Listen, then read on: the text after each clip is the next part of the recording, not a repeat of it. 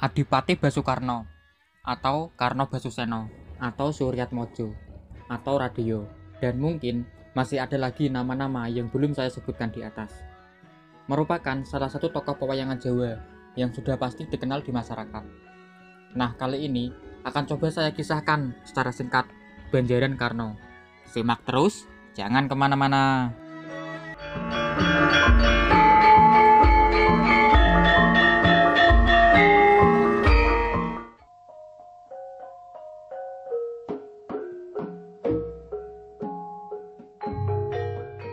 adalah Dewi Prita atau Dewi Kunti Talibroto, ibu dari Karno.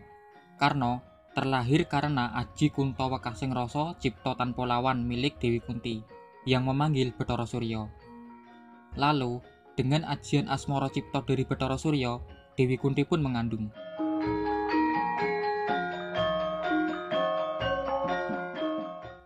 Beberapa bulan kemudian, di hadapan Raden Basudewo dan dengan bantuan Resi Durwoso, Dewi Kunti pun melahirkan.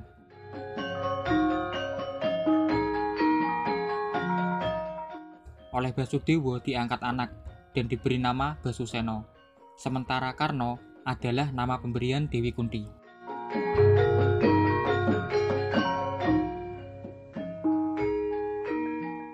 Tidak lama berselang, datanglah Betara Norodo dan Betara Suryo. Betara Suryo datang untuk merawat Dewi Kunti agar kembali menjadi perawan. Sementara Betara Norodo menjelaskan bahwa takdir anak yang baru lahir ini akan lebih hebat jika keluar dari Manduro.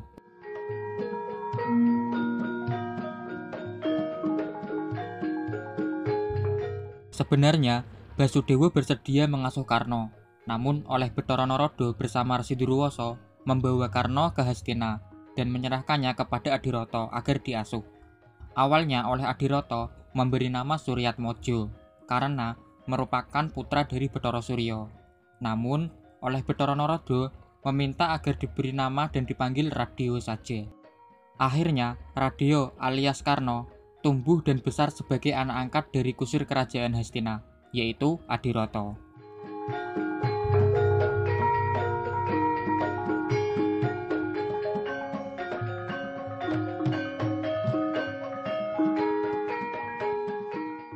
Namun karena takdirnya, Radio sangat mahir memanah, bahkan melebihi seorang prajurit sekalipun. Adiroto selalu melarang Radio untuk memanah, namun Radio tetap bersikukuh untuk menjadi pemanah terbaik.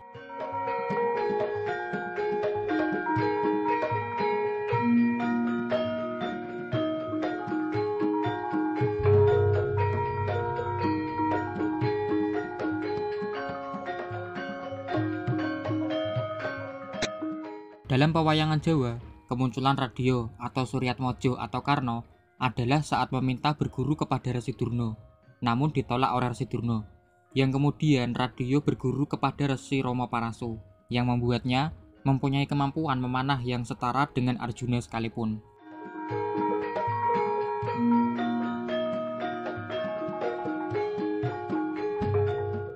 Kemunculan kedua radio atau Karno adalah saat pendedaran siswa Sokalema, di mana Arjuna yang terpilih menjadi murid terbaik ditantang oleh Radio. Namun oleh Bismo melarangnya karena berbeda derajat. Nah, di sinilah awal mula persahabatan Radio dengan Raden Kurupati. Karena jasa Kurupati yang mengangkat Adiroto menjadi seorang adipati, jadi Radio pun bergelar Raden Radio dan bisa menantang Arjuna bertanding memanah.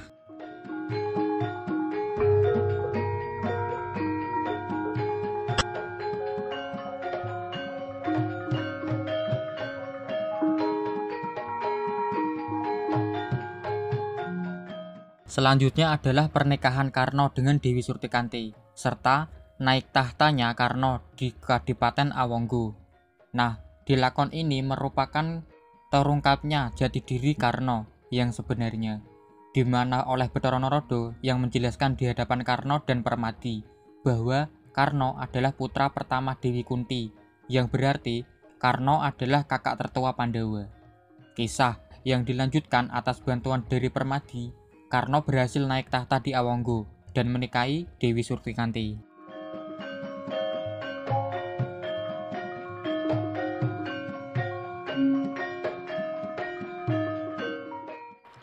Setelah naik tahta menjadi adipati, lalu Karno Basuseno menyatakan kesetiaannya kepada Duryudono dan terhitung selalu membantu Duryudono. Sebagai contoh, adalah saat sayembara Drupadi, di mana Karno ikut sayembara mewakili Duryudono, walau akhirnya ditolak oleh Drupadi.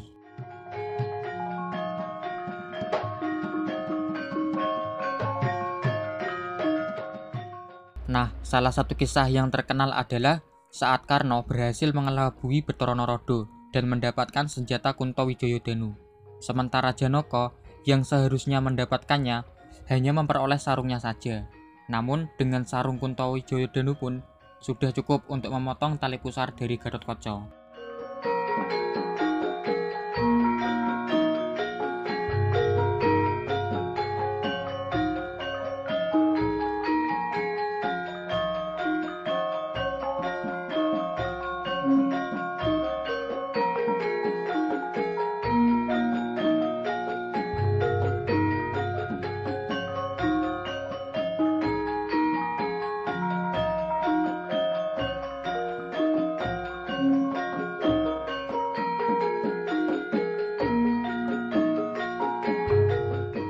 Untuk selanjutnya, setelah Duryudono naik tahta di Hastinapura, Adipati Karno pun selalu ikut sowan saat ada pasewakan karena kesetiaannya kepada Duryudono. Namun karena mengetahui Pandawa adalah saudaranya, tiap ada rencana buruk untuk Pandawa, Karno lebih sering mengelak dan tidak ikut campur. Terlebih, saat Wisanggeni dan Ontoseno sering usil di Hastina, Adipati Karno pun lebih sering diam dan melihatnya saja.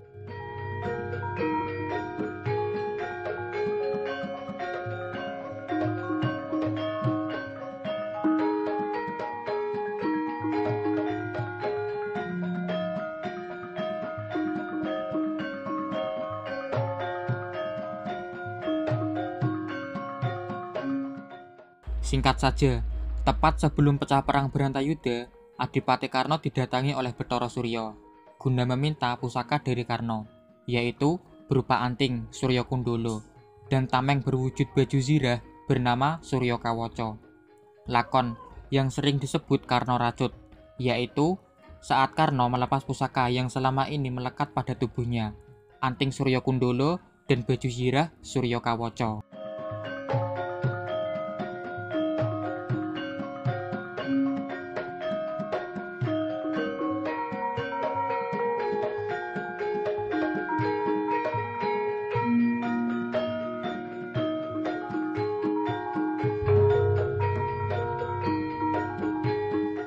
Juga ada kisah saat Karno ditemui oleh Sri Bathara Kresna yang menjelaskan Kurawa akan kalah dalam perang Bharatayuda dan meminta agar Basukarno membela Pandawa.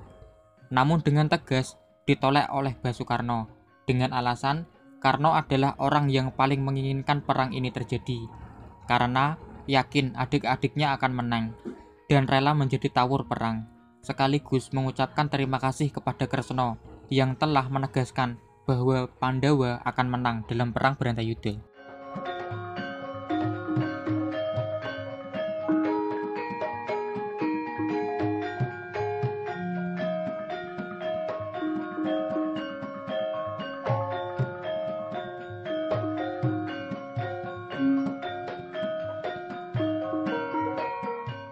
Nah, sebagai puncak adalah peran Karno di perang Bharatayuda yang pertama adalah saat berhasil mengalahkan Gatot Koco menggunakan senjata Kunto Wijoyodanu. Lalu, Karno Tanding adalah tandingnya antara Karno melawan Janoko. Perang tanding yang diceritakan disaksikan oleh banyak dewa di kayangan. Perang tanding yang diakhiri dengan gugurnya sang satria sejati, Karno Basuseno.